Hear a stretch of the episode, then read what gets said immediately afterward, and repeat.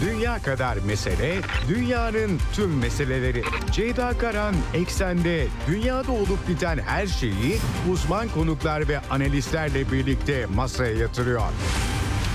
Dünyadaki meseleleri merak edenlerin programı Ceyda Karan'la Eksen hafta içi her gün saat 16'da Radyo Sputnik'te.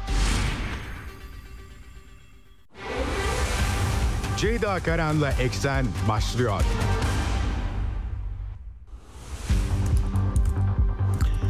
Eksenden merhabalar efendim. Bugün 12 Ekim 2023 günlerden Perşembe dünyadan haberlerle yine karşınızdayız. Yüklü bir gündem var. Yüklü bir Orta Doğu gündemi var. Tabii ki küresel dış politikada, uluslararası ilişkilerde bütün e, söylemleri, eylemleri, denklemleri etkileyen bir gündem. İsrail ve Filistin arasında, Filistinli Araplar arasındaki çatışmalar. Ee, İsrail kabine güvenlik kabinesi kuruluyor. Netanyahu'ya muhalefet eden Benny Gantz e, ekibi de katılıyor. Artık İsrail bir birlik içerisinde ve e, henüz Gazze e, kara harekatı kararı yok. Ama e, pek çok gelişme var, yığınaklar var, ara buluculuklar var, müzakerelere geri dönme, Hamas'ın elindeki İsrail rehineleri kurtarma, refah sınırı Mısır'ın e, hareketli e, insani yardımlara odaklı bir dünya var. Tepkiler var, pek çok başlık var size aktaracağım. Tabii bütün bunların Ukrayna çatışmasına etkileri var. Tarafların açıklamaları Türkiye, Rusya, Arap dünyası. Dün akşam saatlerinde İran ve Suudi Arabistan e, liderlikleri görüştü. İlk defa Çin arabuluculuğuyla diplomatik ilişkilerin tesisinden sonra pek çok başlık var size aktaracağım. E, iki gündür İsrail'e bağlanıyoruz. Oradaki hissiyatı almaya çalışıyoruz, gelişmeleri almaya çalışıyoruz eksende. E, bugün e, Filistin ve direniş ekseni e, diye adlandırılan kesimin görüşlerine Hamas böyle bir operasyonu neden ve nasıl yürütebildi? İran parmağı e, e, iddialarının nereye koymak gerekiyor? Bundan sonra ne olabilir? Bölgesel bir çatışma herkes merak ediyor. İsrail kara harekatına başlarsa Lübnan Hizbullah'ı devam e, bu işe müdahil olacak mı? Suriye'si var, İran'ı var, Irak'taki güçler var, Amerikan e, Amerika'nın askeri yığınağı var. Herkes merak ediyor ne olacağını. Bu konudaki görüşleri alacağız. Ee, aslına bakarsanız çok kısa bir süre önce kaydını yaptık. Alptekin Dursunoğlu Orta Doğu ile ilgili kitapları bulunan araştırmacı yazar ile konuştuk o cepheden nasıl gözüktüğünü Türkiye'den tabii ki Türkiye'de e, direniş ekseni hattını vurgulayan cephenin nasıl baktığını e, iddialara verilen yanıtlar da bir şekilde e, olacak programımızda dediğim gibi çok kısa bir süre önce kendisi bir kitap fuarına katıldığı için kayıt aldık. E, programın son bölümünde bu kaydı yayınlayacağız. Ama benim aktaracağım çok fazla e, başlık var. O yüzden gecikmeden hemen önce frekanslarımızı bir tekrar ediyorum. İstanbul'dan 97.8, Ankara'dan 96.2, İzmir'den 91, Bursa'dan 101.4 ve Kocaeli'den 90.2 karasal yayın frekanslarımız bunlar. Bunun dışında Sputnik Türkiye'nin web sitesi üzerinden cep telefonu uygulaması üzerinden Türkiye'nin her yerinden bizi dinleyebilirsiniz. Yine Telegram kanalı e, oradan rahatlıkla varsa Telegram hesabınız Radyo Sputnik'e katılmanız yeterli. Hem canlı yayın hem de daha sonra arkadaşlarım kayıtları koyuyorlar. Kayıttan dünyada ne olmuş ne bitmiş son gelişmeler neler değerlendirmeler neler öğrenmek istiyorsanız kayıtlardan da dinleyebilirsiniz diyelim başlayalım eksene. Dünya kadar mesele, dünyanın tüm meseleleri. Ceyda Karan Eksen'de dünyada olup biten her şeyi uzman konuklar ve analistlerle birlikte masaya yatırıyor. Dünyadaki meseleleri merak edenlerin programı Ceyda Karan'la Eksen hafta içi her gün saat 16'da Radyo Sputnik'te.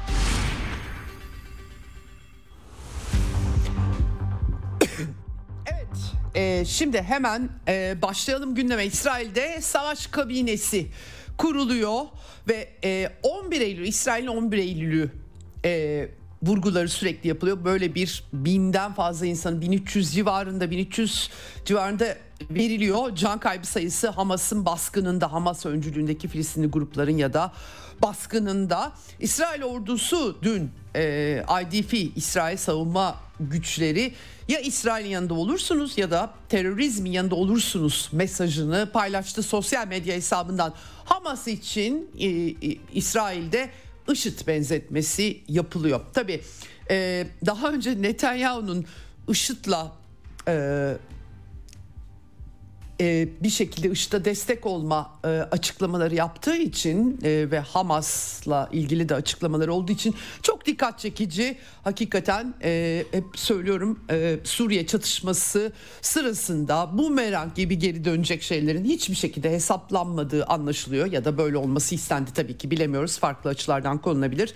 IŞİD benzetmesi çok dikkat çekici. E, iki yüzü var dünyada e, IŞİD'le ilgili e, İsrail'in e, yetkililerinin daha önceki mesajlarını anımsayanlar var. E, tabii ki Batı kamuoyunda ne kadar e, biliniyor o ayrı bir tartışma ama e, böyle bir durum var. Şimdi Hamas e, saldırılarında bu arada İsrail'den açıklama var. Bir Türk vatandaşı e, e, hayatını yitirmiş açıklamaya göre diğeri kayıp isim yok. Ama diplomatik kaynaklar henüz doğrulamış değil anladığım kadarıyla Türk diplomatik kaynakları.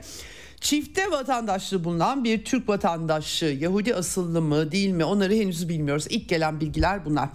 Ee, İsrail tarafında Gazze'ye e, bu işi yarımsız, yanısız bırakamayacağı e, gö- görüşü öne çıkıyor. E, gö- göreceğiz e, açıkçası ne olacağını ama henüz e, kara harekatına karar verilmediği, verilmiş bir karar olmadığı açıklaması da var. Bunu diplomatik girişimlerin sonucu mudur bu e, tonlamadaki değişiklik bilmiyorum göreceğiz. E, ama İsrail'in de e, Hamas'ın da e, e, Gazze e, İsrail'in Gazze'ye yaptığı misilleme ağır misilleme ki ölü sayısı can kaybı 1354 yaralı 6000'i aşmış durumda. Çok ağır gerçekten. Ee, o kadar ki Birleşmiş Milletler'e göre binden fazla ev yıkıldı. 560'tan fazlası ağır hasarlı durumda. Ee, Batı Şeria'da da küçük çaplı Batı Şeria'nın bu eylemlere tamamen katıldığını söylemek şu ana kadar mümkün değil ama orada da çatışmalar oldu. Ee, en az 31 can kaybı 180 yaralıdan bahsediliyor ve Gazze'den 338 bin insan yerinden edilenler, refah sınırından Mısır'a geçme çabaları, oradan insani yardım bunlar da devam ediyor tabii ki.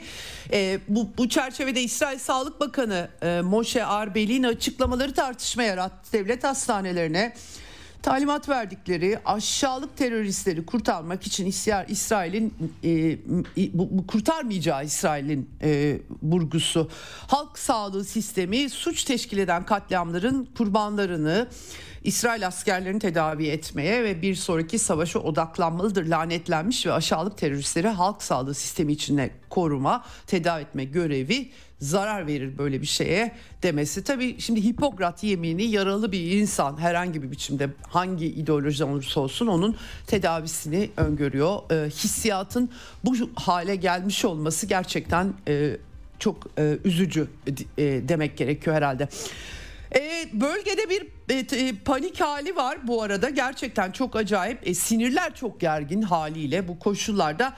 Şimdi dün e, sürekli olarak bir sanki Lübnan Hizbullah'ı bu savaşa girmiş gibi bir resim çıktı. İşte füzeler fırlatıldı, e, hava alarmları çaldı, Lübnan medyası kuşlar diye dalga geçti. İsrail'in tespit sistemlerinin trollenmiş olabileceği iddiaları var. Siber saldırı iddiaları var. Ee, sonra daha güney hattı için Dimona nükleer tesisinin bulunduğu İsrail'in meşhur. Orada bir patlama olduğu yalan çıktı bunların hepsi. O yüzden panikle geçilen şeylere tabii insanlar e, en deneyimli e, çek eden haberciler bile adlanı, e, aldanabiliyor. Gerçekten çok zor onu belirteyim. Düzeltme e, mekanizması çok önemli burada. Bazen düzeltmek de işe yaramıyor. Çünkü haber bir anda sosyal medyanın etkisiyle öyle bir yayılıyor ki gerçekten ne yapacağınızı şaşırıyorsunuz. Çünkü çok fazla dezenformasyon giriyor işin içine. Böyle bir e, dönemde yaşıyoruz. E, bunu akıldan çıkarmadan e, daha temkinli ve her şeye her gelişmeye inanmadan bakmakta fayda var. Biz de aynı şey yapmaya çalışıyoruz gazeteciler olarak ya da meslektaşlarım da muhtemelen benzer bir hissiyat içerisindeler bu koşullarda. Ee, dediğim gibi Hizbullah'ın savaşa girdiği, İsrail'i vurduğu, Dimano'da patlama olduğu, Amerikan vatandaşlarının Beyrut'tan tahliye edildiği ki Voice of America geçti bu haberi sonra geri çektiler. Ee, yalan çıktı çünkü yalanlandı. Çok sayıda haber dolaşıyor ortada. Ee, gerçek olan bir şey varsa İsrail'in Gazze'ye yoğun saldırıları Hamas'ın da dün akşam Aşkelon'a yoğun saldırıları Tel Aviv'e füze saldırısı. Tabii ki güç farkı var. İsrail ordusu daha güçlü bir ordu.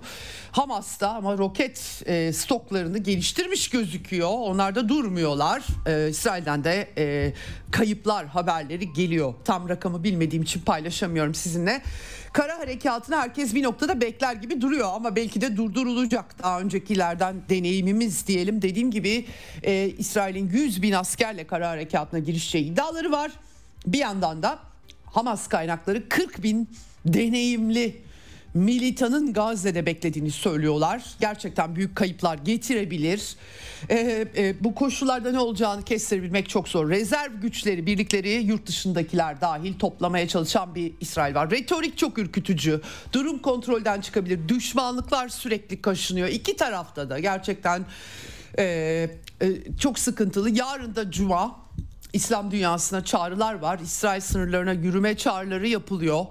E, pogrom diye e, bir hissiyat gelişiyor İsrail tarafında ve bu şekilde ifade ediliyor. E, düşmanlık, nefret e, vurguları her yerde e, bunu görüyorum. Bu işi yatıştırmak, teskin etmek gibi bir şey yok. Kimileri artık yansın, yıkılsın hissiyatı içerisinde her şey artık ne çıkarsa. E, bu konuda biraz temkinli olmak gerektiğini düşünüyorum. O, öbür türlü çünkü aksi takdirde herkes hissiyatları üzerinden hareket etse dünyanın yok olması işten bile değil. Bunu unutmakta fayda var. Şimdi... E, Gazze sınırına e, yoğun teçhizat, rezerv birliklerin yeniden e, orada e, harekete geçirilmesi devam ediyor. Öyle anlaşılıyor.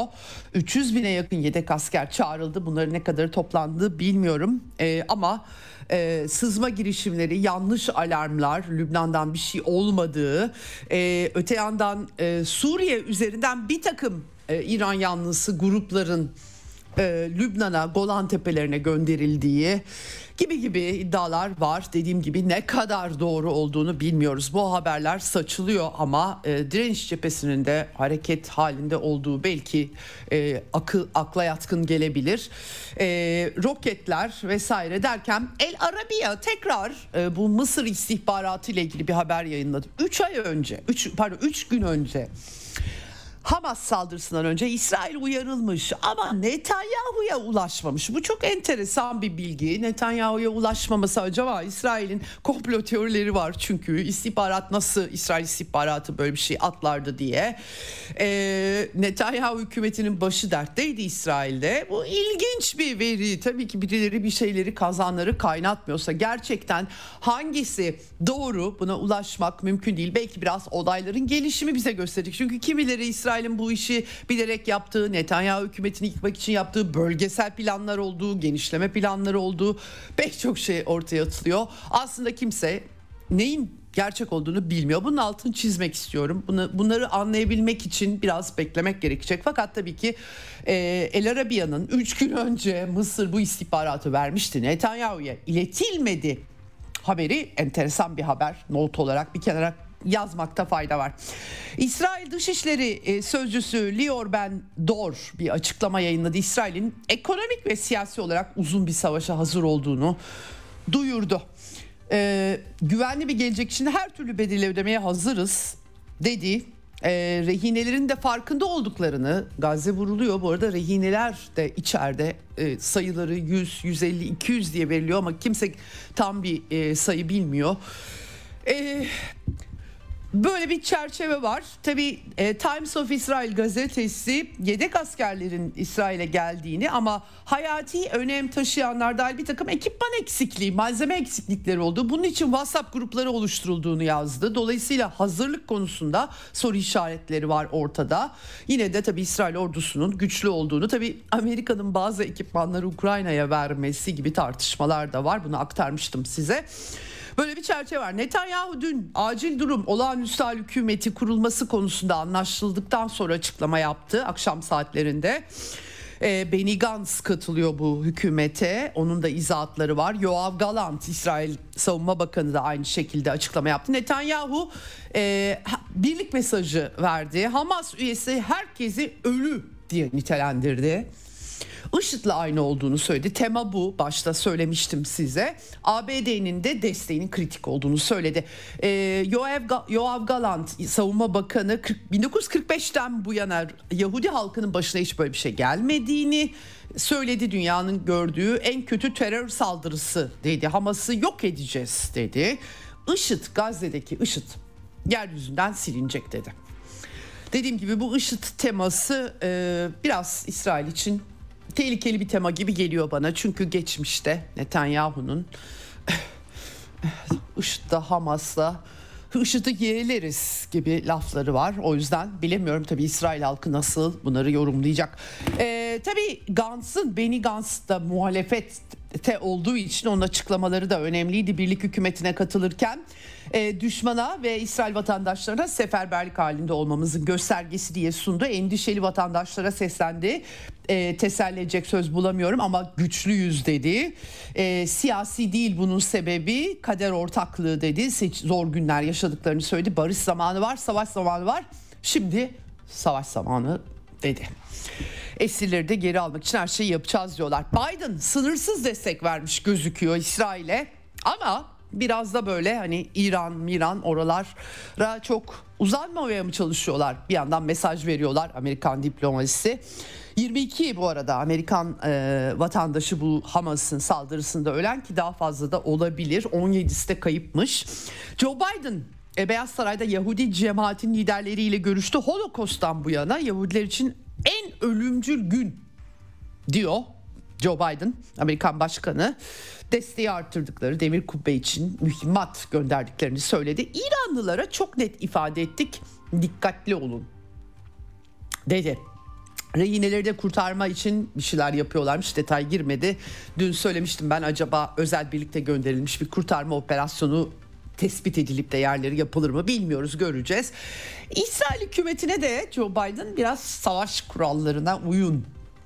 Yani e, vardır tabii savaş kuralları gibi bir açıklaması var. Tabii Amerika'ya da hatırlatmak lazım savaş kurallarını. Ebu Garipleri, Gripleri gördük e, Irak'ta, başka yerlerde, Afganistan'da. E, sonra soruşturuluyor bir şekilde ama işten geçtikten sonra. Evet yani Anthony Blinken bugün Amerikan Dışişleri Bakanı İsrail'de e, e, enteresan bir oda dip, işin diplomasi ayağında e, Tel Aviv'de Cumhurbaşkanı İtsak Herzog'la Netanyahu ile görüşmesi var. Oradan sonra Mahmut Abbas'la görüşecek. Batı Şeria'da ardından Ürdün ziyareti var. Gelmeden önce de desteklerini bir kez daha e, vurguladı. Askeri destek özellikle tabii Blinken e, e, bir, bir şekilde acaba bir e, müzakere yolu açar mı diye herkes e, bakıyor, bekliyor. Bilemiyoruz, göreceğiz. Bir yandan da askeri destek var. Önemli miktarda askeri destek zaten yola çıktı, gönderildi dedi kendisi. Şimdi bir yandan da Mısır'la e, bu işi koordine ediyorlar. Beyaz Saray İletişim Direktörü John Kirby açıkladı. E, e, burada rehine operasyonu kararı olmadığını söyledi henüz. E, Hamas'ın yaptıklarından Gazze'deki sivillerin sorumlu olmadığını vurgulaması dikkat çekici. Biz onlara da yardım için seçeneklere bakıyoruz, araştırıyoruz dedi. John Kirby hakikaten son dönemde çok teatral bir takım sahneler, Ukrayna ile ilgili de e, yaptığı benzer şeyleri. Şöyle bir ifadesi var. Hiçbir sivil ölmemeli ama savaşta daha fazla sivil ölmeyeceğine dair söz verilemez. Eee hakikaten tabii e, şimdi çok birazdan aktaracağım bebek kafası kesme iddiaları başka iddialar var. Bu e, operasyonun kendisini sivilleri kaçırmak dediğimiz şey yine kendisini tabii ki e, barışçı koşullarda yapılabilecek şeyler değil. Bunun bir dehşeti bulunduğu mutlaka e, bunu teslim etmek gerekiyor. Ama işte nefreti artıracak yollara e, işle, işlerin e, dökülmesi bu durumda tabii e, Filistinliler de ölen bebeklerin ve de fotoğraflı kanıtlarıyla gösteriyorlar. Gerçekten dikkatli olmakta fayda var diye düşünüyorum. Ben bilmediğim şeyler e, konusunda dikkatli olmak gerektiğini düşünüyorum. O yüzden aktarırken de dikkat etmeye çalışıyorum. E, yardımlar önemli vesaire değildi ama tabii ki askeri güç dün de aktarmıştım size 101. Hava indirme Tugay'ı Ürdün'e konuşlanıyor. Avrupa'da Rusya ile savaşmak için konuşlandırıldığını e, söylemeyi ikmal etmişim size. Sonradan aklıma geldi. İkinci uçak gemisi USS Gerald Ford'dan o ulaştı. E, Dwight Eisenhower'da büyük olasılıkla gidecek e, şimdi. E, e, henüz tam karar verildi demeseler de öyle olacağı anlaşılıyor. Tabii Amerikan Genelkurmay Başkanı yeni başkan e, Charles Brown da açıklama yaptı. Üçüncü oyuncular yok gibi hani o zaman niye gidiyor? önlem olsun diye öyle anlaşılıyor tabii ki. Ee, Alman Bild gazetesi İsrail'in 5 cephede çatışma riskiyle karşı karşıya olduğunu e, bir uzmanlara dayanarak yazmış. Tabii ne nedir bu Hamas, Hizbullah e, Lübnan'da, İran olasılıkla e, Filistinli gruplar Batı Şeria'da ve Suriye tabii ki. Orada da Suriyeli İran e, yanlısı gruplar gibi. Ama e, bu ihtimal düşük. Yani herkes tabii kötü ihtimalleri sürekli vurguluyor. E, NATO Genel Sekreteri Jens Stoltenberg İsrail'in vereceği karşılığın orantılı olmasını umduğunu söyledi. Pek orantı yok tabii ki bu işin e, şeyinde kitabında açıkçası güç meselesi biraz da e, Amerika'nın Orta Doğu'daki varlığını güçlendirmesinin önemine dikkat çekti ki onu yapıyorlar açıkçası. Bir yandan Ukrayna var aktaracağım programın diğer bölümünde. Ukrayna'ya da oraya da buraya da e, yardım edilir vurgusu öyle bir beklenti var. Ben de doğrudan böyle bir şey bekliyorum zaten. NATO müttefiklerinin yeterli imkanlara sahip olduğunu belirtti. Bu konuda biraz tabii mızmızlananlar var. Yani kime vereceğiz diye ama neyse kendi böyle ifade etti.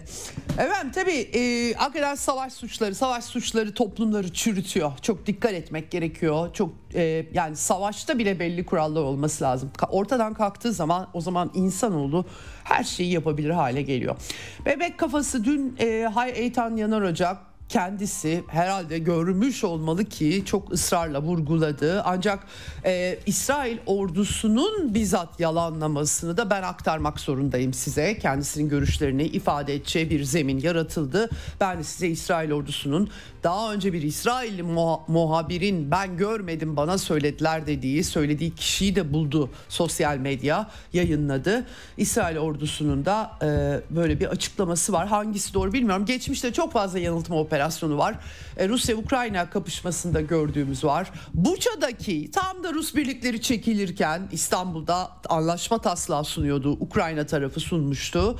E, birdenbire e, kimle e, bir takım cesetlerin yerleştirildiği söylendi. Dolayısıyla e, Rusya'nın soruşturma talepleri karşılıksız kaldı. Pek çok şey var, pek çok örnek var. En son bir füze saldırısı Rusya'nın işi denildi. Sonra New York Times gazetesi hayır Ukrayna füzesi düşmüş yanlışlıkla diye düzeltti. Dolayısıyla ilk gelen bilgilerin e, her zaman temkinli karşılamakta fayda var. Bir de gerçekten karşılıklı nefret bilendiği zaman belki seferber etmek için yapılıyor ama orta ve uzun vadedeki sonuçları çok daha vahim oluyor. Ben kendi kanaatimi söylüyorum e, bu noktada.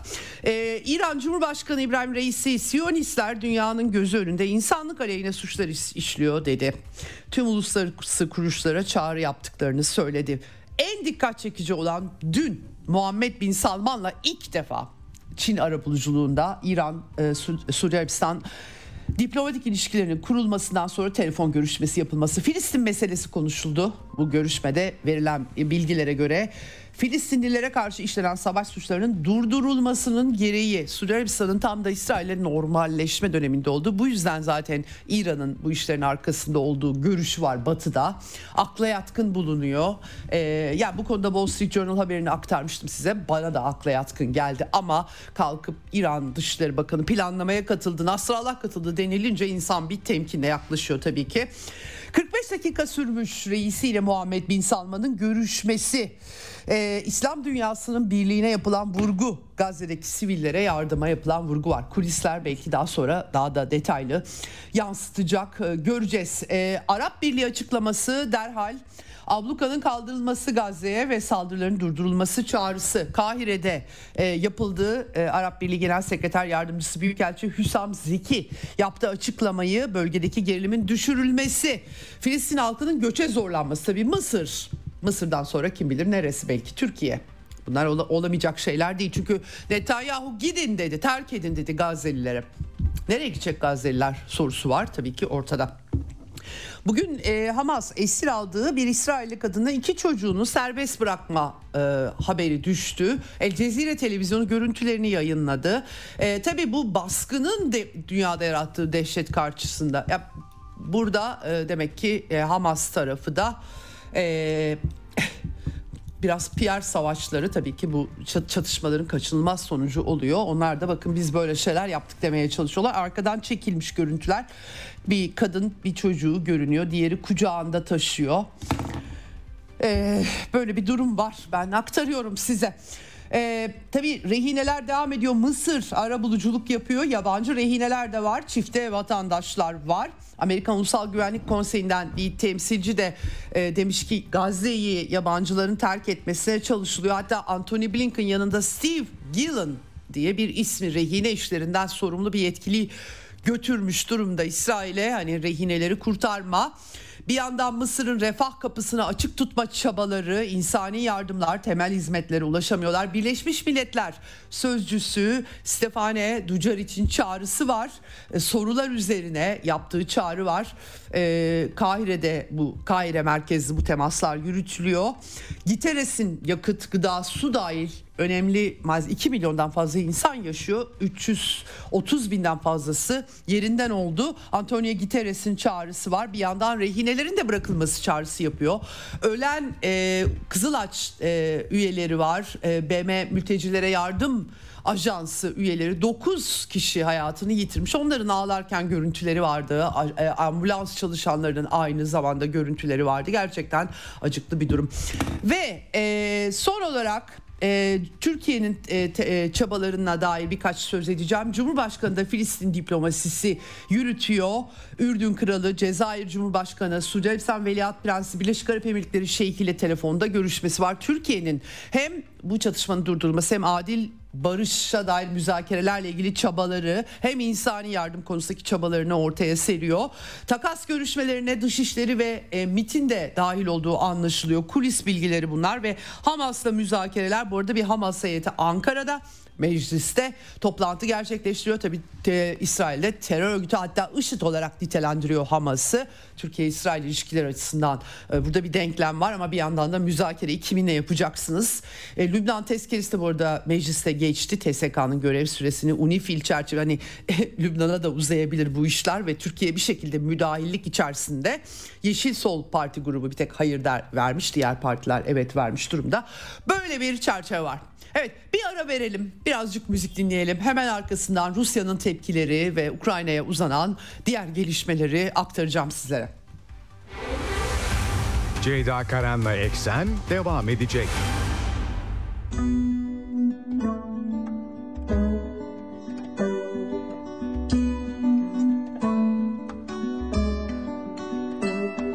راجعين يا هوا راجعين يا المساكين راجعين يا هوانا على دار الهوى على نار الهوى راجعين I got rambling. I got rambling on my mind.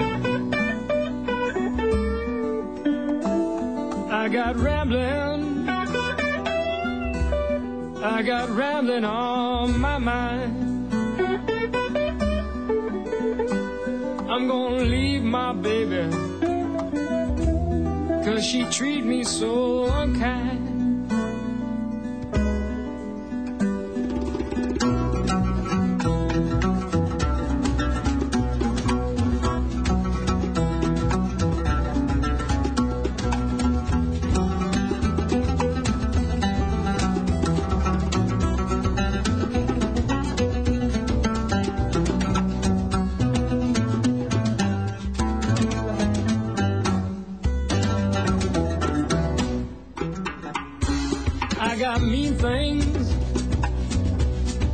Mean things on my mind. Yeah, I got mean things. I got mean things on my mind. I'm gonna leave my baby. Cause she treat me so unkind.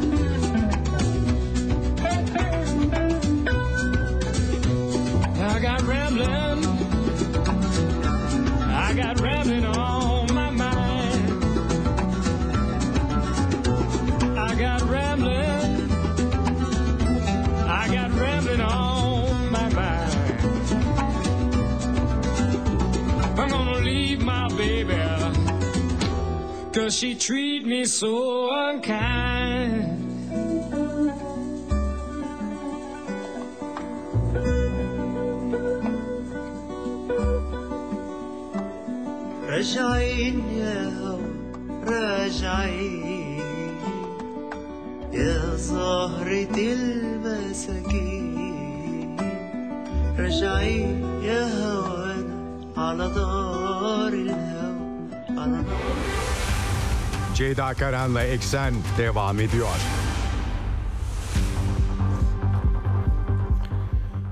Evet şimdi e, müzik dinlerken ben de son gelişmelere bakıyordum. İsrail ordusunun Şam ve Halep hava alan, alanlarının pistlerini bombaladığı yolunda haberler var. Evet bir e, bölgesel çatışma olursa eğer e, ön alıcı bir girişim midir bu? Yine iddia olarak vereyim şu anda yarın daha detaylı olarak bakma fırsatım mutlaka olacaktır. E, ama benim en azından güvenilir gördüğüm kaynaklardan gelen ilk bilgiler olarak söylüyorum. Umarım doğrudur artık bu e, enformasyon ikliminde hiç haber veremez hale geleceğiz gibi korkuyorum diye korkuyorum onu belirtiyorum altını çiziyorum. Şimdi e, Rusya'ya gelelim. E, Rusya'da enerji haftası e, var. Dün e, akşam saatlerinde tabii eksenin saatlerinden sonra Vladimir Putin'in e, yaptığı açıklamalarda dünya gündemine Filistin-İsrail meselesi konusunda damgasını vurdu. E, yaygın bir biçimde takip ediliyor Rusya'nın da tutumu bu krizde. Çatışmaları sona erdirmelerin ve müzakere sürecine geri dönmenin yolunu aramak gerektiğini söylüyor Rusya lideri. E, ama güç yoluyla çözümden yana olanların baskın çıktığını saptaması yapmış. Amerikan uçak gemilerinin bölgeye neden gönderildiğini anlayamıyorum. Bu arada e, diyor hiç anlam veremiyorum. Lübnan'ı mı? E, dün ben de söylemiştim ilk akla gelen o tabii e, Putin'in de aklına gelmiş bu. Lübnan'ı mı? Ya da Suriye var tabii ki o da var. Bombalamayı mı planlıyor Amerikalılar? Ama e, hiçbir şeyden korkmayan insanlar var orada diye eklemiş Putin. E, tabii İsrail-Filistin çatışmasının enerji enerji haftası bağlamında e, bu açıklamaları da yaptığı için enerji sektörüne etkilerini vurgulamış. E, e, Filistin sorunuyla ilgili BM kararlarını hatırlatmış. Bunların e, bunların uygulanması gerektiğini söylemiş. Rusya'nın yardımcı olabileceğini söylemiş. E, bu şiddet öyle ki e, daha önce buna benzer bir şey yani karşılıklı düşmanlığı kastediyor aslında. Gerçekten içinden çıkılması çok çok zor zor bir düş mücadele edilmesi çok zor bir düşmanlık karşılıklı birbirini yok etmeye varabilecek nitelikte. Ee, Rusya'nın iki taraflı da hem İsrail'le istikrarlı Filistinli'yle de do- dostane ilişkilerini vurgulamış. İran'la ilgili şimdi de tüm günahlardan İran'ı suçladıklarını görüyoruz demesi dikkat çekici hiçbir kanıt yok diyor. Ee, umarım aklı selim galip gelir. İran'a bu iş uzatılmaz diyor.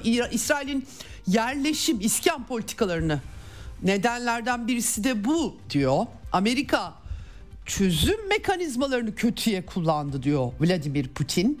Ee, Filistinlerin en başından kendilerine ait gördükleri toprakların bir kısmı İsrail tarafından farklı zamanlarla ve farklı metotlarla elbette çoğunlukla güç yoluyla ele geçirildi diyor. Yavaş ve ağır işleyen bir süreçten bahsediyor ve bugüne gelindiğinde tabii e, Filistin meselesi her Müslümanın kalbinde adaletsizliğin tezahürü olarak görülüyor. Irak, Irak Başbakanıyla görüştüm diye aktarmış dün onunla da konuştuklarını belirtiyor. Kadınlar, çocuklar ve yaşlılar arasındaki can kayıplarının en aza indirilmesi gerektiğini söyledikten sonra da ekliyor. Eğer erkekler kendi aralarında savaşmaya karar verdilerse bırakın kendi aralarında savaşsınlar çocukları ve kadınları rahat bırakın. Bu her iki taraf için geçerli diye vurgulamış. Yani kadın çocukları karıştırmayın bu işe diyor e, Rusya lideri. Evet e, Rusya'dan bir başka görüş Dışişleri Bakanı e, Sergey Lavrov e, umarız e, ateşkes e, sonrası Filistin devleti kararlarına ilişkin BM'de Güvenlik Konseyi'nde bu yükümlülük ciddiye alınır diyor e, Lavrov. BDT e, toplantısı sırasında Dışişleri Bakanları toplantısı sırasında yapmış bu açıklamayı. Ayrımsız güç e, kullanılmaması gerektiğini söylüyor e, bu ülke BDT ülkelerinin bu e, konuda uzlaştıklarını söylüyor. Bir de bir çağrısı da var dikkat çekici yine. E, bu, bu başka bir yerde Moskova'da Türk ve Rus gazetecilerle konuşmuş. Yalan haber ve dezenformasyona karşı birlikte Türk ve Rusya e, e, işbirliğinin güçlendirilmesi vurgusuyla enformasyon alanında ortak meydan okumalar ve tehditlerle mücadelenin koordineli yürütülmesi gerektiğini söylemesi, provokatif dezenformasyona ve e, karşı çıkılması gerektiğini söylemesi önemli tabi burada. E, şimdi dönelim Filistin meselesine bu konuda Rusya tarafının Amerika'nın Hamas'ın saldırısından haberdar olmadığı ya da İsrail'in e, daha ziyade tabii ki Rusya Amerika'dan e, vurgu yapıyor. Çünkü Ukrayna ile ilgili o kadar çok şey söylediler. istihbaratları çok sıkı çalışmış. Nasıl olur da burada en yakın müttefikinin güvenliği söz konusuyken çalışmaz diye sorguluyor. Bu Rusya'nın görüşü olduğu anlaşılıyor. Maria Zaharova'nın açıklaması Solovyev e, programına katılmış kendisi e, böyle bir askeri çatışmayı ıskalamış olmasının enteresan olduğunun altını çiziyor. Bir yandan tabi Rusya açısından daha önemli hususlar var. FSB direktörünün yaptığı e, e, açıklama Bortnikov diyor ki Ukrayna batılılar bu işi Ukrayna çatışmasını öyle bir noktaya getirdiler ki paralı askerler için eğitim üsleri açtılar. Silahlar onlar kontrolsüz yayıldı. Gönüllüler dünyanın dört bir yanından e, neonazi ideolojisine Ukrayna milliye milliyetçiliğine sempati duyan gönül, gönüllüler topladılar. Paralı askerlerin eğitim sahası haline getirdiler topraklarını. AB ülkelerinde 17 militan eğitim merkezi kuruldu diyor. Bizim elimizde bilgi var diyor iddiaları. Dolayısıyla bunlar da tabii bunların arasında Afganistan, Orta Doğu, Avrupa, okyanus ötesinden eğitim almışlar olduğunu e, bununla ilgili çok sayıda haber Batı medyasında çıktı. Bir de tabii ki Bortnikov diyor ki IŞİD ve benzeri gruplaşmaların İçkerya, Çeçenya, Kırım Tatar İslamcıları kastediyor. Birliklerinin Rusya'ya karşı Donbas'ta savaştıklarını hatırlatmış. Sabotaj, keşif grupları bunların hepsinin NATO ve Washington tarafından organize edildiğini söylüyor. Evet Rusya Orta Doğu'da aktif diplomasiye geçmiş gibi gözüküyor benim anladığım açıkçası. Ee, özellikle tabii ki Arap dünyasıyla son bir buçuk yılda ilişkiler de gayet iyi gidiyor. Rusya Federasyonu'nun OPEC artıda ortak hareket edildi petrol fiyatları konusunda ki Batı'nın tavan fiyatı çöktü bu. Bunun da etkisiyle şimdi e, tabii e, İsrail'le de e, bir, bir zamanlar bundan 4-5 sene önce Netanyahu bir yıl içerisinde en sık temasları Amerikan başkanıyla değil Rusya lideriyle yapıyordu. O e, hakikaten acaba Rusya politikaları e, ki burada bir denge sağlanmaya çalışıldığı anlaşılıyor. E, ama bir yandan da Arap dünyasıyla da Rusya'nın ilişkileri gelişiyor. Enerji görüşmeleri, enerji haftası Suudi Arabistan'la kuvvetle muhtemel bu gelişmeden sonra başka şeyler de olabilir. Amerikalılar İsrail ile Suudileri uzlaştırmaya çalışıyorlardı. Nükleer mesele odağında oturuyordu bunun. E, bu konuda çok şey söyleniyor tabii ki nükleer teknoloji verilmesi Aslına bakarsanız Suudilerin Pakistan'da da çok en, en sıkı ilişkiler Pakistan'da ve Pakistan'da da nükleer teknoloji var. Ee, Ama tabii Amerika'nın izin vermesi başka bir şey. Amerika izin verdiklerine nükleer teknoloji sahibi olması Amerikan iznine bağlı tırnak içerisinde biliyorsunuz kural yok bu konuda ama kural dediğimiz Amerika'nın kuralları. Dolayısıyla yani Amerika'nın izni olmadan Pakistan'dan nükleer teknolojisi e, Pakistan'dan almış olsa Suudi Arabistan Amerika e, vay diyebilir filan. E, o yüzden bilmiyorum yani çok iddia var bu konuda. İşte İsrail'le normalleşeceklerdi. Hem ticaret bilmem ne Körfez'de var zaten. Birleşik Arap Emirlikleri, Bahreyn bunlar da var. Ama Suudi Arabistan daha kilit bir yer. E, bunun için e, işte bu e, Hamas'ın bu hamlesi bozdu. Doğru bozdu. Gerçekten e, bu, bu bir fact olarak, olgu olarak almamız lazım. Ama öte yandan da yani e, bu nükleer mesele de çok mu abartıldı Batı medyasında acaba? Başka yerde edinemez miydi gibi de e, sorulabilir. En azından soru atalım ortaya. E, Hamas üyeleriyle de temasları bir şekilde yansımıştı. E, böyle bir durum var. Çin bu arada Çin'in Orta Doğu özel temsilcisi Zai Jun açıklamalar yapmış durumda. Ateşkes ve sivillerin korunması Filistin Dışişleri Bakan Yardımcısıyla görüşmeler yapmış. E, masum insanlara vurgu yapılıyor. Uluslararası toplum çözüm, ateşkesi teşvik, insani krizin hafifletilmesi. Tabii Çin medyası da Amerika'nın süper güç Amerika'nın yeteneksizliği, barışı ve e, rızayı tesis edememesi üzerine ve artı tabii ki tesis etmeyince et, etmemekten de kar etmesi üzerine bir e, analiz toparlamış. Global Times gazetesi e, Çin'in diyor ki yani bunlar Amerika'ya kar sağlıyor. Lockheed Martin hisseleri %8 oranında artış gösterdi. North, Northrop Grumman'ın hisseleri %11 arttı. Bunlar aynı zamanda Avrupa'ya, Orta Doğu'ya silah satıyorlar. Tayvan'a Tayvan'a silah satıyorlar. Dolayısıyla Amerika savunma şirketlerinin ve bunların kongredeki uzantılarının ki savunma bakanlığına da uzanıyor. e, Bunların gerginlikten kar sağladıkları Çin'in bakış açısı bu şekilde. Evet Avrupa'daki durumdan başlıklar aktarayım size. Biz, biz pek çok e, ülkede Filistin yanlısı gösteriler var ama Avrupa kamuoyu dün sevgili Dilek Zapçıoğlu meslektaşım Berlin'den aktardığı tweet yazdığı tweet kimsenin Gazze'de olanlardan haberi yok. Sadece İsrail'de olanlar konuşuluyor. Dedi e, kimse bunu konuşmuyor Gazze'deki ağır saldırıların sonuçlarını. Bu tabii işte medyanın önemi. E, gerçekten ideolojik olarak bir tarafı tutabilirsiniz ama objektivite, taraf ben tarafsızlık konusuna hiçbir zaman çok inanmamışımdır. Herkesin durduğu bir yer vardır ama objektivite haberciliğin temelinde objektif olmak yani bir tarafın sürekli söylediklerini verip öbür tarafı hiç göstermediğiniz zaman zaten objektif olmamış oluyorsunuz. Ee, en azından henüz dünya savaşı yokken böyle bir ortamda e, bir parça e, Avrupa'da bunların artık tamamen unutulduğunu Ukrayna çatışmasıyla başladı maalesef bu süreç. Daha önce de Suriye'de vardı ama kısmen diyelim giderek kötüleşti iklim, medya iklimi her şey dezenformasyon olarak nitelendiriliyor. Fikir özgürlüğü falan yok. Ay, aykırı fikirdeyseniz yandınız.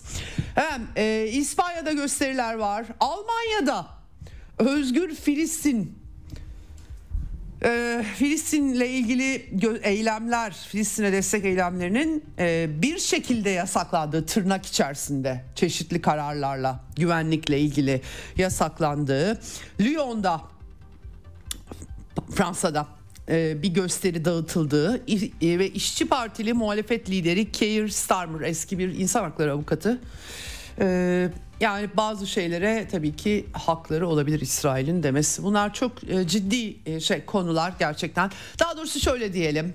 E, bir ara sevgili Profesör Hasan Köni ifade etmişti bir söyleşimizde.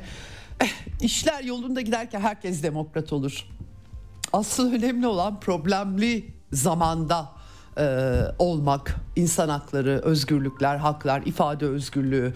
İşler zora girdiği zaman da bunu tanıyorsanız yoksa e, gerçekten hiçbir farkı kalmıyor. O zaman Avrupalıların e, herkese özgürlük biz bahçe izleyen Avrupalıların zora girdiklerinde bir takım yöntemlere onay vermeleri zaten bu değerleri özünde hiç taşımadıkları ve her şeyi de jeopolitik çıkarlarının belirlediği anlamına geliyor. Maalesef değerler sisteminden bahsediyorlar ama zaten o değerler sistemi yerle eksan. Başka anlamı yok bunun çünkü. Evet Ukrayna bugün çok fazla bir şey aktarmayacağım ama Rusya güçlerinin özellikle Avdiivka bölgesinde e, atakta olduğu haberleri var. Gerçekten çok ağır Ukrayna'nın durumu parlak değil. E, bu İsrail-Filistin'le ilgili, ilgili değil. Ondan önce başladı 4 Haziran taarruzu. Büyük bir başarısızlıkla sonuçlanmış gözüküyor artık savunmaya geçmeye başladıkları ama taarruzu da sona erdiremedikleri. Bunu e, Zelenski'ye aktarmıştım dün size. Artık sona geldik diyor. Çok da iyi bir yerde olmadıklarını bizatihi kendisi dile getirdi. Şimdi Zelenski İsrail'e bir dayanışma ziyareti.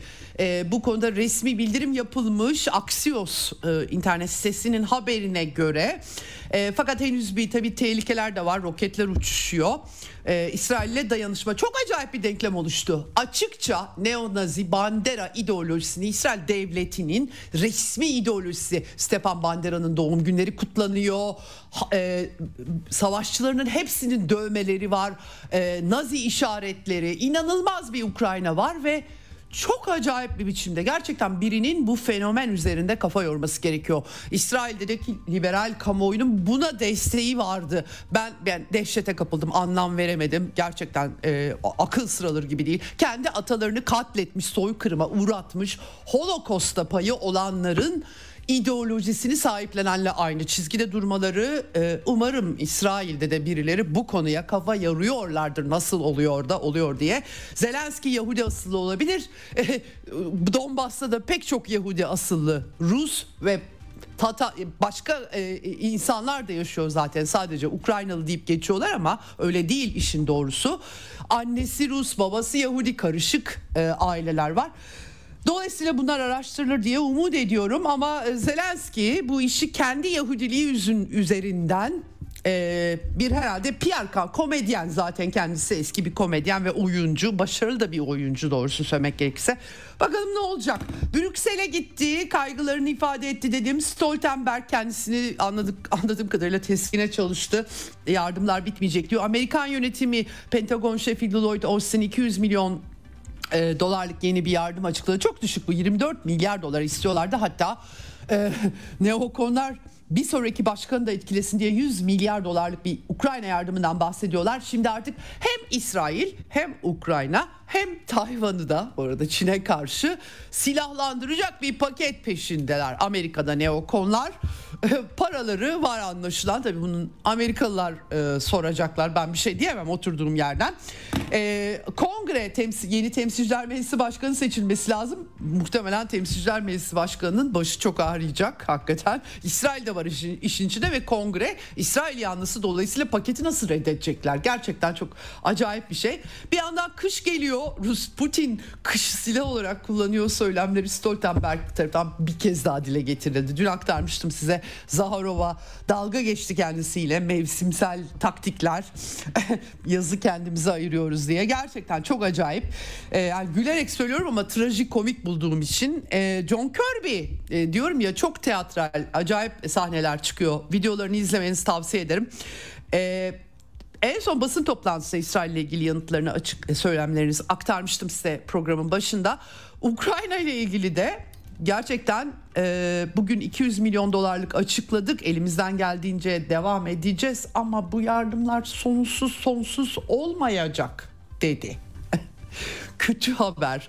E, sonsuza dek yardım edemeyiz. E, e, çok önemli bir e, işaret olarak belki ya da Ukrayna'da alarm zillerini çaldıracak herhalde.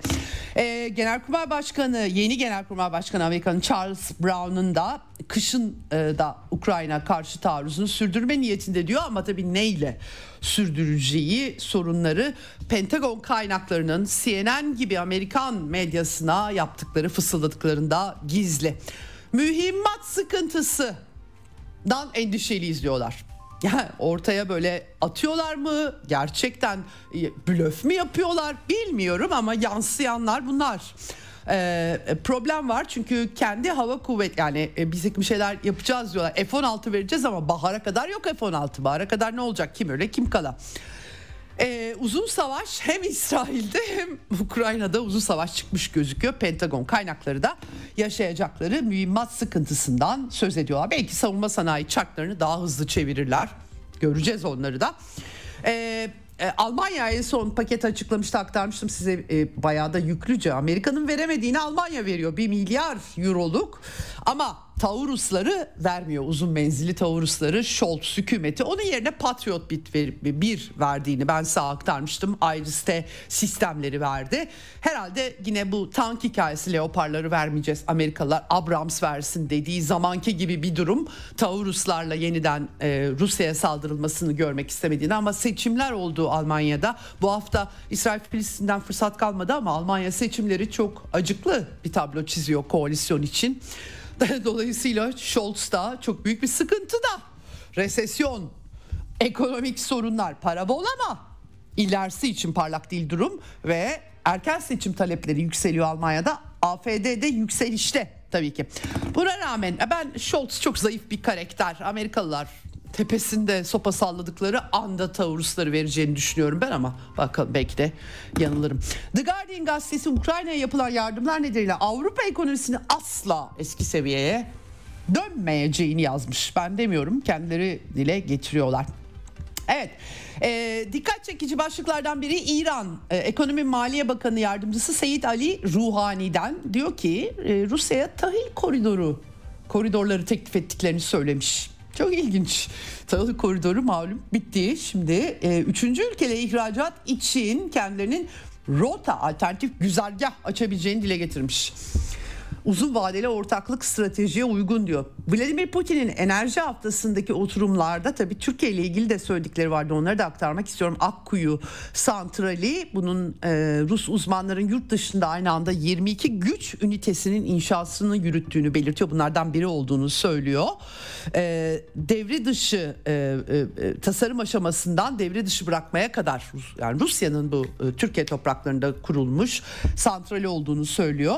Batıda elitlerin ülkelerin küresel enerji pazarlarında kargaşaya ulaştıklarını OPEC artıdaki durum karşısında şoke oldular biliyorsunuz. Ondan vurgu yapmış. Avrupa ahmakça kararlar aldı diyor. Almanya ile ilgili Tanrı Almanya'nın yanında olsun diyor. Kuzey akımı da havaya uçurduklarını hatırlatıyor. Kendilerine zarar verdiler diyor. Mantıksız gaz tedarikiyle ilgili mantıksız eylemlerine karşı Tanrı onların yanında olsun ifadeleri var. Türkiye'de trans transfer merkezi kurulmasında bir sorun görmediklerini de söylemiş. Bu konuda tartışmalar çok tabii enerji uzmanlarına sormak gerekiyor e, e, işin aslı ama Putin'in açıklamaları e, bu yönde efendim bir e, enerji krizi de Filistin-İsrail e, hattının hareketlenmesiyle böyle bir dünyada enerji kriziyle ilgili sıkıntılar da doğabilir. Ve Kafkasya'dan Azerbaycan e, ve Ermenistan gerilimiyle ilgili bir, bir iki notla hemen e, kap, e, bitireceğim. Aliyev e, e BDT e, güvenlik toplantısı var Bakü'de. E, İlham Aliyev Bakü ve Erivan'ın doğrudan müzakereler yapabileceklerini de söylemiş. Ermenistan'ın Rusya'yı dışlama çabaları var ortada. Dikkat çekici bir açıklama. E, bunu da e, size aktarmış olayım. E, ve e, BDT zirvesi var e, Bişkek'te aynı zamanda. E, Putin e, Bişke'ye gidecek bildiğim kadarıyla ya da gitti. E, görüntülerini de görmüştüm. E, bunları artık yarına bırakacağız. Çok kısa sürede öncesinde kayıt yaptık Alptekin Dursunoğlu'yla. E, direniş ekseni ne yapmaya çalışıyor? Bütün olup bitenlere nasıl bakılıyor? Bunları e, arkadaşlarım şimdi kaydı yayınlıyorlar.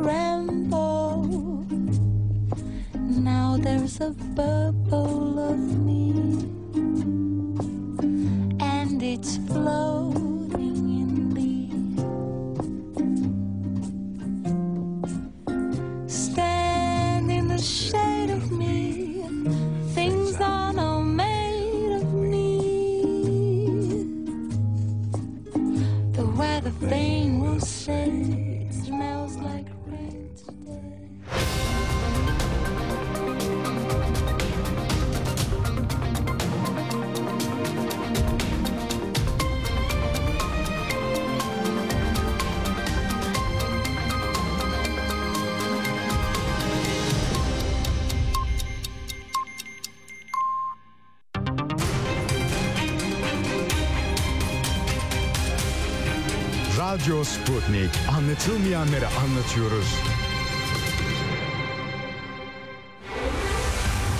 Ceyda Karan'la Eksen devam ediyor. Evet Eksen'in son bölümündeyiz. Bütün bu olup bitenleri e, yorumlayacağız. Orta Doğu'da e, değişik bir dönüm noktası e, içerisinde olduğumuz anlaşılıyor. Telefon hattımızın diğer ucunda Alptekin Dursunoğlu var. Araştırmacı, yazar, kitaplarıyla tanıyoruz kendisini. Hoş geldiniz yayınımıza. Çok teşekkür ederim. İyi yayınlar. Ee, Ben teşekkür ederim Alptekin Bey. Ee, Şimdi e, hakikaten herkesi sürpriz bir biçimde e, yakalayan e, bir gelişmeyle karşı karşıyayız. Geçtiğimiz cumartesi günü Hamas öncülüğünde Filistinli grupların İsrail'e başlattığı harekat. Tabii sivillerin kaçırılması dünyanın dikkatini Hamas olgusuna da çevirdi ama öte yandan da İsrail'in sert misillemesi böyle bir dünya ikiye yarılmış gibi bir görüntü veriyor ve bundan sonra ne olacağı e, herkesin merak konusu. E, Amerikan e, yönetimi İsrail'e tam destek açıkladı ve bir savaş hali var. Öncelikle bu e, sıcak gelişmelerden başlamak istiyorum. Daha detaylardan soracağım size ama e, şimdi e, Hamas e, ve Filistinli gruplar neyi hedeflediler? Bir Batı Şeria ile Gazze'yi birleştirme e, hedefi mi vardı? Yoksa rehin alıp İsrail hapishanelerdeki hapishanelerindeki insanları kurtarmak hedefi mi vardı? E, burada ne daha bölgesel boyutlar kazanacak bir şey mi hedeflendi? Nedir önümüzdeki resim? Önce onu e, o konudaki görüşlerinizi e, almak isterim. Tabii ki.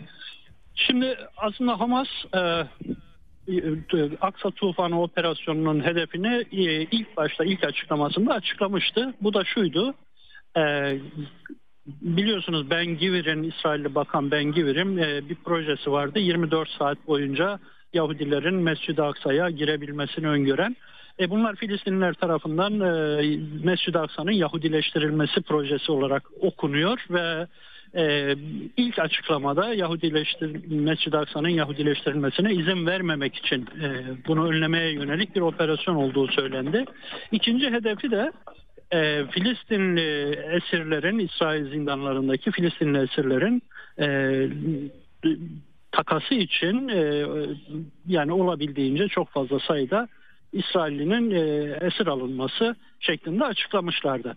Fakat daha sonradan aynen dediğiniz gibi e, şeyler e, operasyon sahası genişledikçe e, bu kez şey konuşulmaya başlandı birileri e, harita üzerinden göstererek yani direnişçilerin Gazze çevresindeki İsrail yerleşimlerini e, ele geçirdiği İsrail yerleşimlerinin haritalarını yayınladılar ve e, buranın Batı Şeria ile olan mesafesinin işte 10 kilometre olduğuna dikkat çektiler. Dolayısıyla insanların aklına şöyle bir fikir de geldi. Acaba bu operasyonun hedefi alan kazanmak ve e, şeyle Batı Şeria ile Gazze'yi birleştirmektedir. Çünkü Batı Şeria ile Gazze birleşince doğal olarak İsrail'de ikiye bölünmüş oluyor. E, fakat e, ben operasyonun e, niteliğini ve e, İsrail'in çok da suçlamalarda bulunduğu gibi işte bunun bir İran operasyonu filan e, şeklinde suçlamalarına da biraz açıklık getirmeye çalışayım. Lütfen. Çünkü Ee, e, evet o daha bölgesel savaş riskini arttıracak Evet, bir husus ama Amerikalılar da bundan sanki imtina ediyorlar gibi. Fakat İsrail Evet. tarafı da çok e, kararlı da gözüküyor. Gazze'ye girince de direniş gruplarının Lübnan ve diğer sınırlardan harekete geçmesi söz konusu ve İran'ı da olasılıkla kapsayabilecek bir şey olabilir mi? Var mı parmağı Wall Street Journal'da da haberi vardı ya da fikri olarak mı e, var ya da planlamada Şimdi mümkün mü bana- daha doğrusu? Evet şimdi bu, bu bunu bana e, ilk gün sorsaydınız veya ikinci gün sorsaydınız ben evet kesinlikle bu bir e, direniş ekseninin bir koordineli bir harekatıdır derdim.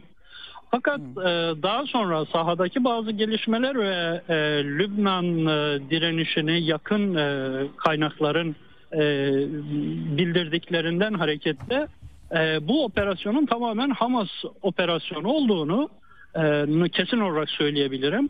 Bu operasyonun hatta son dakikasına kadar, son anına kadar, sıfır saatine kadar e, ne İran'daki e, müttefiklerinin ne de e, Lübnan'daki müttefiklerinin haberinin bile olmadığı e, ifade edildi. Yani Hamas'ın e, askeri komutanı e, Muhammed e, Dayf'ın sadece kendi operasyonu hatta şunu söyleyebilirim operasyona katılan e, unsurlar dahi operasyona katılan savaşçılar dahi bunun bir tatbikat olacağını düşünüyorlar ve o o anda bu bunun bir operasyon olduğu o anda söyleniyor. Yani Hamas'ın siyasi bürosunun da dahil olmak üzere Filistinli diğer müttefik grupların da dahil olmak üzere hiç kimsenin haberinin olmadığı sadece Hamas'a ait bir operasyon bu. Ve bu operasyonda öyle hmm, şu an bizim şu an konuştuğumuz çapta bir şey, şey yok aslında planlama yok. Planlama şu aslında Hamas e, Gazze şeridinden çıkacak. Zaten 60 kişilik bir operasyon timi e, hazırlık yapılmış çıkacak. Olabildiğince fazla sayıda İsrailli e, tutuklanacak. Gazze'ye getirilecek ve bunlar e, işte takas için e, masaya yatırılacak ve bununla da işte Gazze'nin e, operasyonun ilk hedefi olarak açıklanan Gazze'nin e, şey, affedersiniz e, Mescid-i Aksa'nın Yahudileştirilme projesinin e, önlenmesi için bir siyasal hedef olarak kullanılacak bu. Planlama bu. Fakat e, direnişçiler sahaya girdikleri ve e, sahadaki İsraillerin o e, şey hali e, böyle yani uyuşuk hali göz önünde bulunun, durulunca yani e, giriyorlar ve bütün e, şeyleri önünde açık buldukları için çok rahat bir e, operasyon şeyini genişletmeye başlıyorlar. Birbiri ardınca işte askeri e, üslere e, saldırı yapıyorlar ve e, Hocam sadece çok fazla da 60 şey kişi oluyor. değil herhalde. Çünkü çok geniş kapsam var. Ta- 2000 aynen, civarı aynen. söyleniyor. Sonra- tabii, evet. tabii tabii ona geleceğim. Şimdi bu ikinci aşaması ama yani ilk aşamada yani bu buranın bu kadar kolay olduğu, rahat olduğu görülünce bu kez zaten artık şeyden de çıkıyor. Yani Hamas'ın o, e, elit birliğinin operasyonu olmaktan çıkıyor ve bütün direniş grupları katılıyor. Aynen dediğiniz gibi sonradan sayı işte artık binleri buluyor. Ve sonradan biliyorsunuz zaten İslami Cihat da e, FHKC de diğer e, Filistinli Nasır Selahattin Tugayları da her birisi e, şey olarak e, Gazze'nin dışına çıkarak ve e, İsrail yerleşimlerine operasyonlar yapmaya başlıyorlar. Ama planlama e, hedefler bu şekildeydi. Yani Ayetullah Hamenei geçen gün e, bir açıklama yapmıştı hatırlarsanız. Dündü sanıyorum. Yani burada İran'ın e, İran'a yönelik suçlamalar var. Hani bunun e, bunun e, İran'la bir ilgisi yok. Fakat yani biz o, bu operasyonu, bu zekice operasyonu planlayan işte kahraman Filistinlerin e, alınlarından ve e, bileklerinden öpüyoruz e, dedi. E, bu şu anlama geliyordu. Yani bu siyaseten söylenmiş bir söz değil. İşin gerçeği bu. Fakat şudur yani evet bu operasyon bizim e, tasarımımız, planlamamız değil. Fakat buna tam desteğimiz, tam siyasi ve e, askeri desteğimiz söz konusu. Şimdi sorunuzun diğer kısmı bu iş bölgesel bir şeye dönü, döner mi? Kara savaşı başlar mı? Şimdi burada bir şöyle bir denklem söz konusu. Yani İsrail e, yeniden o eski kendince e, kimsenin şey yapamayacağı, herkesin teslim olacağı caydırıcılığını yeniden kurmak için Gazze'yi e, bütün işte vahşi gücünü kullanarak e, sindirmeye çalışacak. E, bunu yapamazsa eğer İsraillerin sürekli işte bu güvenlik endişesiyle sonsuza kadar yaşayamayacağını düşünüyorlar. Bundan dolayı hükümetin e, devrilebileceği söz konusu ediliyor. Bir daha hükümetin bu Netanyahu kabinesinin asla seçim kazanamayacağı söyleniyor. Bunlar doğru. Yani bunun operasyondan birkaç hafta önce e, işte şeyler e, yüz binler Tel Aviv sokaklarında yürüyorlardı. E bu tabii rejimin içerisindeki çelişkileri ciddi bir şekilde e, tırmandıracak, daha da arttıracak. E, yani bütün bu şartlar içerisinde e, şeyin e, yani İsrail'in durumu kurtarabilmek için e, yani büyük bir e, böyle caydırıcılık yaratacak bir şey yapması gerekiyor. Fakat bu da nedir? Kara, kara saldırısıdır. Yani Gazze'ye doğrudan kara saldırısı yapmak ve kara saldırısıyla da işte kendi tabirleriyle direnişin altyapısını çökertmek veya yok etmek. Şimdi bunu e, İsrail 2009'dan beri sürekli bu tehdidi savuruyor ama bunu hiçbir zaman gerçekleştiremedi. 2009'dan bu yana da Filistin direnişi e, olmadığı kadar güçlü. Dolayısıyla kara saldırısı evet mümkün İsrail bütün e, şiddetini, vahşetini kullanabilir, yapabilir. Fakat şöyle bir durum da söz konusu. Şimdi Amerika doğru söylüyorsunuz yani Hizbullah'ın savaşa girmemesi için hatta işte Beşar Esed'in doğrudan şahsını tehdit ederek eğer e, Hizbullah savaşa girerse Beşar Esed'i uçak gemilerindeki şeylerle vururuz diye Fransızlar üzerinden mesaj göndermiş. Yani Amerika'nın bu tehdidine karşı direnişin de bölgesel müttefikleri bu Irak'ta Hadi el Amiri şey yine Nuceba harekatı hareketi yani bizim işte Haçlı Şabi diye bildiğimiz e, grup şu, şu anda hükümete e, bunlar hakim. E, ikincisi e, Yemen'de Abdülmelik El Husi'nin yani Ensarullah hareketinin çok net açıklamaları oldu. Eğer Amerika bu savaşa dahil olursa bizler de e, bu savaşa dahil oluruz ve Irak'ta da özellikle Amerika e, askeri varlığı bizim doğrudan hedefimiz olur dedi.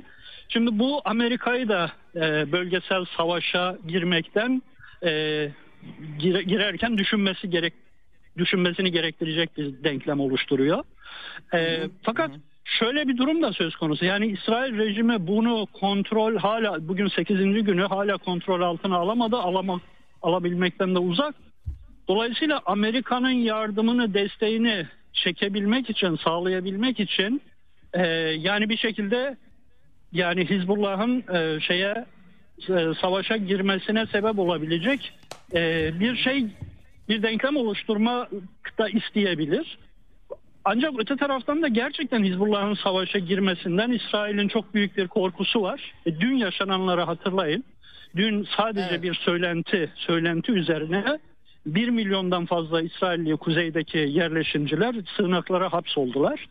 Ee, yani e, Hizbullah'ın 20 tane şey gönderdiği önce yamaç paraşütü ardından da işte insansız uçak e, gönderdiği şeklindeki sadece söylenti bu buna sebep oldu. Yani gerçekten eğer kuzeyden, kuzey cephesinden Hizbullah'tan yana bir şey olursa, bir bölgesel savaş olursa bu gerçekten İsrail'in varlığını e, tartışmaya aç açacak bir denklem oluşturacak. E, dolayısıyla ben Amerika'nın da e, yani İsrail rejiminin de işi bu noktaya götürebileceğine pek ihtimal vermiyorum. Peki İsrail bunu nasıl bu karizma e, şeyini e, avam tabiriyle söylersek bu karizma çizilmesini nasıl telafi edebilecek? E, yani şu an sergilediği vahşetle ve içerideki yani Gazze'deki halı bombardımanıyla e, içerideki kamuoyunun tepkisini almaya çalışıyor. Ancak bu işte bir kara savaşına, bir bölgesel savaşa dönüştürebilecekler mi bunu? Bunu önümüzdeki günlerde göreceğiz. Ama bunun her halükarda evet. bedeli olur. Çünkü direniş ekseni evet bu operasyon sadece Hamas operasyonu ama yani hatırlayalım yıllardır alanların birliği diye bir strateji var. Yani bu özellikle Suriye'ye yönelik bu küresel saldırıdan sonra 2017'den itibaren Irak, Yemen, Lübnan, Filistin direnişi arasında muazzam bir koordinasyon var. Bunlar imkanlarını birbirleriyle sefer, e, birbirleri için seferber ediyor ve e, yani böyle bir bölgesel savaşta e, yani İsrail'in Golan'ı da hatta dediğim gibi belki varlığını bile tartışmalı hale getirebilecek bir şey denklem görebiliriz. Evet. Ee, peki ama tabii şimdi e, İsrail'de bir ta- e, uluslararası huk- hukuki anlamda söylüyorum bir tanınmışlık var. Diğer tarafta da örgütler var. E, belli güç dengelerinin konuştuğu yani e, devlet e, olarak baktığımız zaman e, e, şöyle bir ironik de durum var. Hani İran devleti var ama Suriye zaten Hamas'ın bir takım eylemleri yüzünden zayıflamış durumda. Ee, İsrail'le de birlikte hareket ettiklerini de biliyoruz Suriye çatışması şeklinde.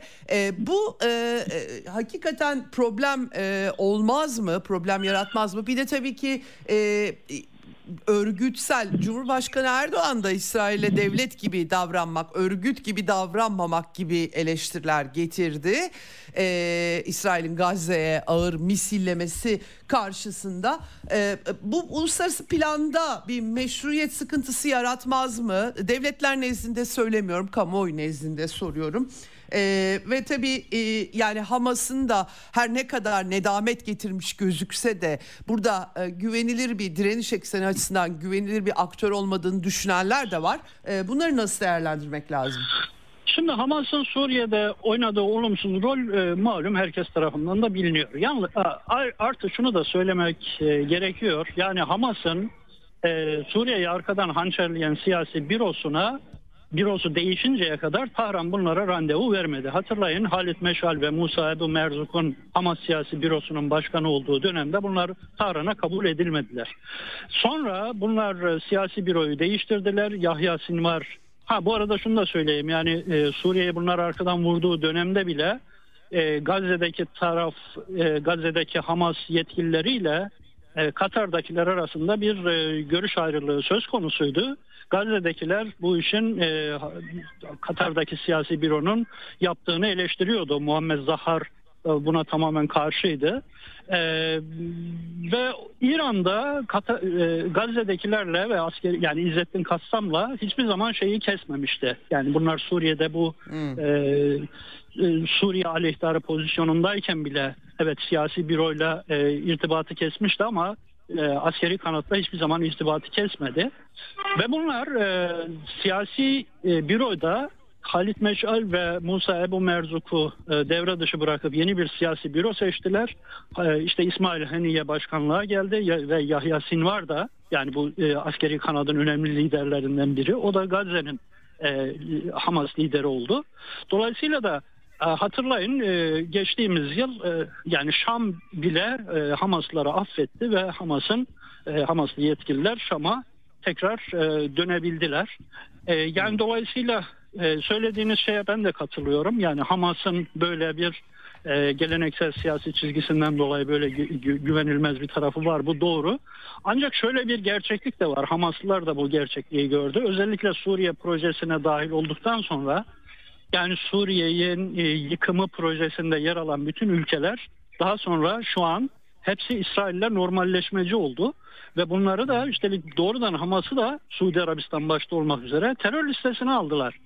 E, Dolayısıyla yani Hamas'ın artık e, direniş ekseninden başka yani İran ve Suriye'den başka dayanabileceği müttefik de kalmadı. Yani o yüzden Hamas'ın Suriye'ye veya İran'a karşı direniş eksenine karşı yeniden böyle bir e, Suriye'de yaptığı gibi e, bir şey yapabilecek, yani istese bile bunu yapabilecek durumu söz konusu değil. Kaldı ki işte o liderler de şu an e, eski e, etkinliğinde değiller.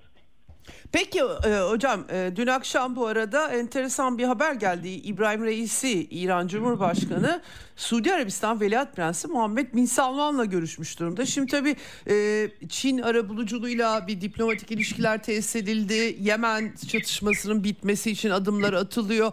Pek çok gelişme var ama bu e, görüşmeyi nasıl yorumlamak lazım? İlginç bir e, görüşme. Vurgular da ilginç. Özellikle e, savaş suçları ile ilgili. Tabii İsrail'in de savaş suçu iddiaları e, var. Hamas'la ilgili IŞİD deniyor. E, Hamas için yeni IŞİD formülasyonu devreye sokulmuş durumda. Hatta Halit Meşal'in Cuma günü e, İsrail sınırlarına yürünmesi çağrısı üzerinden bir pogrom tanımlaması da yapılıyor.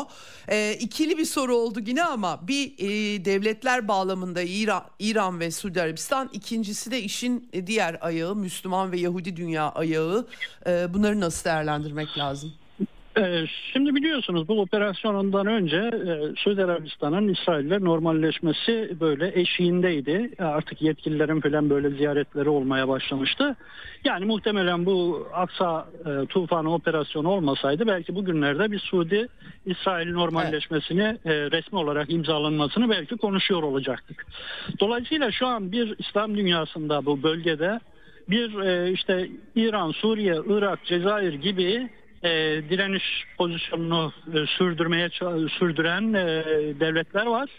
İkincisi de işte yani Birleşik Arap Emirlikleri e, 2020'de hatırlarsanız e, on- onların öncülüğünde bir İbrahim Anlaşmaları adı altında normalleşme anlaşmaları imzalanmıştı. İşte bunun son halkası da muhtemelen Suudi Arabistan olacaktı.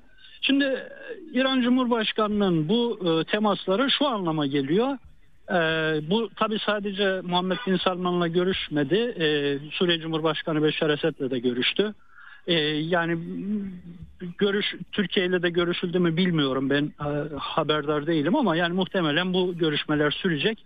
E, dolayısıyla da yani şeyin e, bu temaslar e, şeye karşı e, İsrail e, İsrail'e karşı direnişin e, pozisyonunu güçlendirecek bir e, bölge ülkelerinde tavır oluşturmaya dönük bir tavır belirlemeye dönük veya bu tavırları İsrail karşıtlığı noktasında koordine etmeye dönük bir e, görüşmeler, telefon görüşmeleri diye ben düşünüyorum.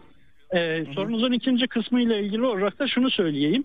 Yani bu IŞİD meselesi e, hatırlayalım bütün şey boyunca e, Suriye e, savaşı boyunca e, Netanyahu'nun bizzat Sa- Sahra hastaneleri açtı. Yani Kuneytra bölgesi IŞİD'in kontrolü altındaydı. IŞİD ve e, IŞİD'in türevi olan örgütlerin kontrolü altındaydı. Ve Suriye ordusu oraları temizleyebilmek için e, olağanüstü bir çaba sarf ediyordu. Ve e, 2016-2017 c- civarlarında e, Netanyahu bunlar için Sahra Hastanesi kurdu ve bunları e, İsrail e, işgali altındaki topraklarda bu Sahra hastanelerinde tedavi ettirdi. Yani mesele eğer IŞİD'se Netanyahu rejiminin kendisi IŞİD'i e, destekledi. İsrail rejiminin kendisi IŞİD'i destekledi. Bu bir. İkincisi de eğer bir IŞİD dediğimiz şey bir vahşet, bir e, terörizm ise İsrail bu terörizmi ve vahşeti 1948'den beri sergiliyor. Dolayısıyla bu konularda böyle insan hakları, e, işte terörizm vesaire konusunda en son konuşabilecek konuşma hakkı olan rejim İsrail rejimidir. E, yani fakat tabii bunlar algı yaratma konusunda son derece ustalar. Örneğin Ukrayna'da e, neo-nazileri Nazi oldukları çok açık olan kendileri bile bas bas bağıra bağıra söyleyen bu adamlar e, sadece yani ya Ukrayna'nın Cumhurbaşkanı'nın Zelenski'nin Yahudi olması üzerinden e, kimse bunlara toz kondurmuyor. E, hatırlayın şey zamanında da Suriye Savaşı zamanında bu iş böyleydi. Güya Amerika 2001'den beri El-Kaide'yi en büyük terör örgütü olarak ve küresel savaşın e, e, nesnesi olarak sunuyordu. Ancak e, Suriye Savaşı boyunca en çok destekledikleri örgüt El-Kaide ve türevleri oldu. İşte IŞİD dediğimiz örgüt de böyle zaten küllerinden doğdu. Yoksa IŞİD örgütü e, 2000 Irak'tan çekildiği e, 2011 tarihinden 2010'da yok olmuş gitmiş bir örgüt. Suriye, Suriye'deki bunların desteği batılı ülkelerin e, ve Arap ülkelerinin Suriye'ye karşı olan Arap rejimlerinin ve tabii en başta da İsrail rejiminin desteğiyle küllerinden doğdu. Yani o açıdan yani bu konuda İsrail rejiminin e, kimse ne ahlak dersi verebilecek durumu var ne de insan hakları dersi verebilecek durumu var. Ee, bir çok e, bir iki dakika vaktim daha var. Şunu da sormak istiyorum. Tabii e, bebeklerin kafasının kesildiği, sivillerin e, rehin alındığı e, eylem bütün dünyada yankı yarattı. Yani e, tabii e, Ha- Hamas'ın Suriye'de oynadığı ve El-Kaide güçlerinin oynadığı rol de insanların aklına geliyor. Türkiye kamuoyunda özellikle. E, ve böyle bir rehin alma e, eylemi de yaygın bir biçimde kınandı. Bir kısmının doğru ol- e, olmadığı yani daha doğrusu ben orada değilim bilmiyorum ama e, şöyle söyleyeyim yani İsrail bebeklik hikayesi İsrail ordusu yalanladı. E, ama e, tabii ki yalan haber döngüsü bu arada e, böyle olaylar olmuş da olabilir. Çok ısrarla iddia edenler var. Gerçekten e, bu işin e, icra edilme o operasyonun Filistinliler e, adına icra edilme biçiminde bir sıkıntı görüyor musunuz? Siz onu da e, sormak isterim ek olarak. Hayır bu tamamen tamamen İsrail yalanı. İsraillerin e, yani e, ya bu konularda şeyliği var. e, büyük bir ustalığı var. Bir yalanı sürekli olarak ve defalarca ve e, en üst perdeden sürekli tekrarladığınız zaman bu tekrardan dolayı bu yalan ha- hafızalara yerleşiyor ve gerçekmiş gibi söyleniyor. e, kabul ediliyor. E, yani bu matematiksel olarak zaman zamanlama bakımından imkansız bir şey. Yani mesela işte kadınlara tecavüz edildiği söyleniyor. Bakın o operasyon sırasında ilk operasyon o fe- müzik festivalinden bahsediliyor. Ki bunların görüntüleri zaten çıktı daha sonradan yayımlandı. Bunlar e, e, tarafsız bir gazeteci veya tarafsız e, üçüncü taraflar bunu zaten teslim ed- ederler. E, o operasyon yapıldığı zaman o e, müzik festivaline katılanlar iki ateş arasında kalıyorlar. Yani öyle Hamas gelip de e, müzik festivalinde e, de olan kızları işte kurşuna dizmiş, onlara şey yapmış. Bir de üstelik o sırada o hengamede bir de oturmuş da tecavüz etmiş. Yani bunun e, akla mantığa sığan bir yanı var mı? Yani siz o, o sırada İsrail rejimi içerisinden olabildiğince fazla rehine alıp geri dönmenin hesabını yapıyorsunuz. Operasyonu bunun üzerine kurmuşsunuz. O sırada duracaksınız da yani bir de işte orada tecavüz edeceksin. Bu çok e, yani Hollywood zekasına bile sığmayacak kadar düzeysiz bir yalan ve iftira. Bebek şeyi de aynı şekilde. E, yani eğer insanların bebek hassasiyeti varsa Gazze'deki bombardımanlarda e, e, şey yapılan e, öldürülen bebeklere bir baksınlar. İsrail iki gün önce daha bütün bir aileyi, tüm bir ailenin tamamını yok etti. Yani o açıdan bu e, İsrail Evet. rejiminin yalanları ve propagandası e, elbette büyük bir basın hakimiyetleri olduğu için ve ana akım medyalar onların e, propaganda borazanları olduğu için e, bunlar tabii etki yapıyor ama e, yani bunlar öyle sürdürülebilir yalanlar değil. E, şu an bir algı oluşturmaya yönelik ve o algıyı da maalesef oluşturabiliyorlar. Evet peki çok teşekkür ediyorum değerlendirme için. Çok sağ olun. Ben çok teşekkür ederim. Sağ olun. Evet Alptekin Dursunoğlu'yla konuştuk. Araştırmacı yazar Orta Doğu ile ilgili kitaplarıyla e, tanıyoruz kendisini. E, hakikaten bir sürü tartışmalı durum var elbette. Farklı değerlendirmeleri biz de aktarmaya çalışıyoruz. Filistin-İsrail meselesi, düşmanlıklar çok keskin, işin içinden çıkmak gerçekten çok çok zor. E, ama herkes tabii önündeki resmi e, değerlendirmeye çalışıyor. Bunu tekrar hatırlatmak istiyorum e, sizlere. Yarın görüşmek üzere Eksen'den. Hoşçakalın. Ceyda Karan'la Eksen sona erdi. Dünya kadar mesele, dünyanın tüm meseleleri. Ceyda Karan Eksen'de dünyada olup biten her şeyi uzman konuklar ve analistlerle birlikte masaya yatırıyor. Dünyadaki meseleleri merak edenlerin programı Ceyda Karan'la Eksen hafta içi her gün saat 16'da Radyo Sputnik'te. Une histoire qui a lieu Paris la belle en l'an de Dieu. 1482 Histoire d'amour et de désir. Nous les artistes anonymes De la sculpture ou de la rime Tenterons de vous la transcrire Pour les siècles à venir. Il est venu le temps